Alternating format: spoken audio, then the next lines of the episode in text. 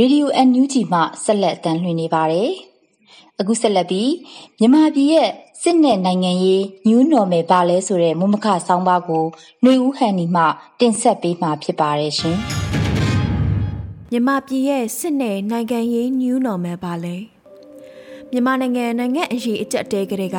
တရစ်ပြီးတရစ်ဖြည့်ရှင်းဖို့ပိုခက်ခဲနေတဲ့အခြေအနေတွေတိုးဝင်နေတယ်လို့ထင်မြင်မိတယ်။ တာတမန်အရေးရဖိအားပေးပိတ်ဆို့မှုဖယ်ကျင်မှုစတဲ့နီးနာတွေနဲ့စ조사နေကြတာကနေ့စဉ်သတင်းတွေရဲ့သတင်းကောင်းစင်လိုဖြစ်နေပါတယ်။ဘာလို့ဆိုနိုင်ငံတကာအဖွဲ့အစည်းတွေအစိုးရတွေကုလသမဂ္ဂစတဲ့အဖွဲ့အစည်းတွေရဲ့အတန်တွေပြောဆိုမှုတွေဖြစ်နေတာကြောင့်မြမအရေးကိုဖြည့်ရှင်းဖို့တန်တမန်ရေးဖိအားပေးတာစီးပွားရေးပိတ်ဆို့တာတွေတရပြီးတရလှုပ်ဆောင်နေကြတာတွေ့နေရပါတယ်။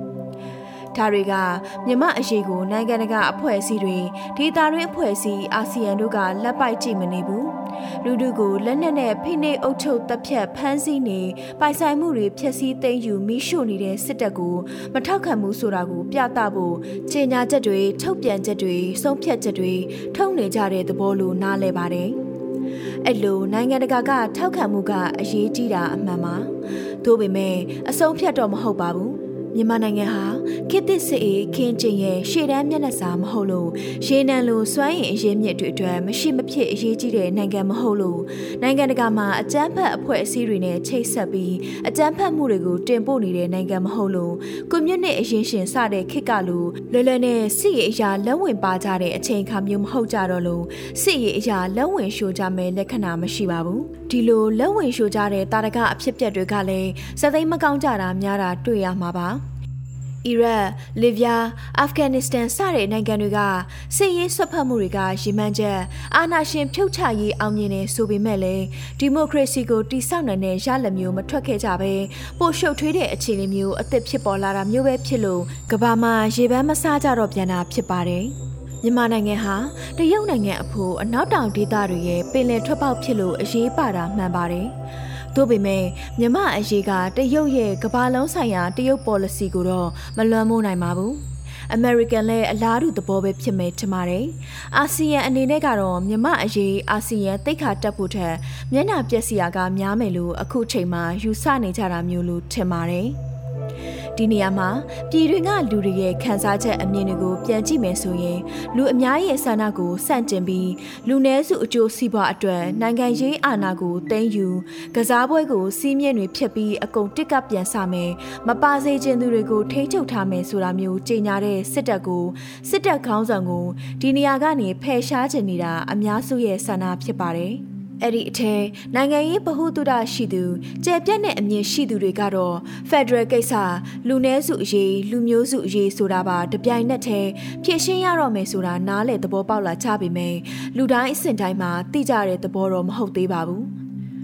စစ်ကောင်စီရဲ့အာဏာသိမ်းခေါင်းဆောင်ကိုဖယ်ရှားမဲ့သူဘသူကိုမဆိုထောက်ခံကြကြတာလည်းဖြစ်ပါတယ်။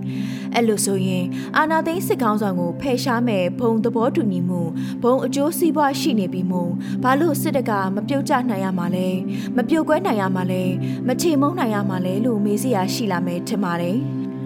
စစ်တပ်ကိုမကြိုက်တာမှန်ပေမဲ့လည်းအခုစစ်တပ်ကိုပြုတ်ကျအောင်လုပ်မယ်ဆိုတဲ့အဖွဲ့အစည်းကိုလည်းစွမ်းဆောင်ရည်အရာအခြေခံမူဝါဒအရာယာနှုံးပြေမယုံကြည်နိုင်တဲ့ပြဿနာရှိနေကြတဲ့သဘောလေးတွေ့ရပါလိမ့်မယ်။ ဥပမာအားဖြင့်ပြရရင်စစ်အာဏာသိမ်းပြီးနောက်စစ်ကောင်စီတပ်တွေနဲ့တိုက်ပွဲကြီးကြီးမားမားမဖြစ်တာလုံးဝမဖြစ်တဲ့လက်နက်ကိုင်အဖွဲ့အစည်းတွေရှိနေကြတာတွေ့ရမှာဖြစ်ပါတယ်။ စစ်အာဏာသိမ်းမှုကိုစန့်ကျင်တာမှန်ပေမဲ့ CRPH, NUG တို့ကိုလည်းအပြည့်အဝထောက်ခံပြီးအတူစစ်ရေးအရာလှုပ်ရှားကြဖို့သဘောတူညီမှုမရှိကြတာဖြစ်ပါတယ်။ရှမ်းပြည်နယ်မှာ UWSA, RCSS, SSPP, SSA နဲ့ရခိုင်ပြည်နယ်မှာ AA တို့လိုတိုင်းရင်းသားလက်နက်ကိုင်အဖွဲ့တွေအနေနဲ့စစ်အာဏာသိမ်းမှုကိုစန့်ကျင်ပေမဲ့ NLD ခေါင်းဆောင်တဲ့ NUG နဲ့လည်းလက်တွဲလှုပ်ဆောင်မဲ့အလားအလာအရေးအယောင်တွေမရှိတာတွေ့ရမှာဖြစ်ပါတယ်။ဒါကြောင့်ຫນွေဦးတော်လှန်ရေးပဲခေါ်ခေါ်2021အရေးတော်ပုံပဲခေါ်ခေါ်ဦးဆောင်သူတွေအနေနဲ့ဒီအခင်းအကျင်းအနေအထားကိုလက်တွေ့ကျတဲ့နိုင်ငံရေးချင်းကပ်မှုကနေချင်းကပ်သုံးသပ်ပြီးနားလည်ဖို့လိုအပ်မှာဖြစ်ပါတယ်။ မမြန်မာပြည်တွင်းကလက်ရှိရောက်နေတဲ့အခြေအနေဟာအဆိုးဆုံးအနေအထားမဟုတ်သေးဘူးလို့သုံးသပ်အကဲဖြတ်ကြတယ်ဆိုရင်နောက်ထပ်အကြမ်းဖက်မှုတွေတိုက်ပွဲတွေတပ်ဖြတ်မှုတွေအသက်ဆုံးရှုံးမှုတွေမြို့ရွာတွေပျက်စီးမှုတွေကြုံရနိုင်သေးတယ်လို့မှန်းဆထားရမယ့်သဘောဖြစ်ပါတယ်။လူလူအဖို့ဘယ်အရာတွေပြင်ဆင်ထားရမလဲစားနပ်ရိက္ခာစေဝါငွေကြေးစတာတွေပြင်ဆင်စုဆောင်းထားဖို့လိုအပ်မယ်လို့ဆိုကြရမှာအမှန်ပဲဖြစ်ပါတယ် ဒီနှစ်မှာတော့မြန်မာနိုင်ငံရဲ့နေရအနှံ့ပြားမှာလေယာစိုက်ပျိုးသူတွေလက်နက်ကင်တိုက်ပွဲတွေဖမ်းဆီးနှိပ်စက်မှုတွေကြောင့်ကိုယ့်လေကိုယ့်ရာကိုမစိုက်ပျိုးနိုင်ကြတော့ပဲအချိန်လွန်သွားကြတာတွေအများအပြားရှိနေမှာပါ။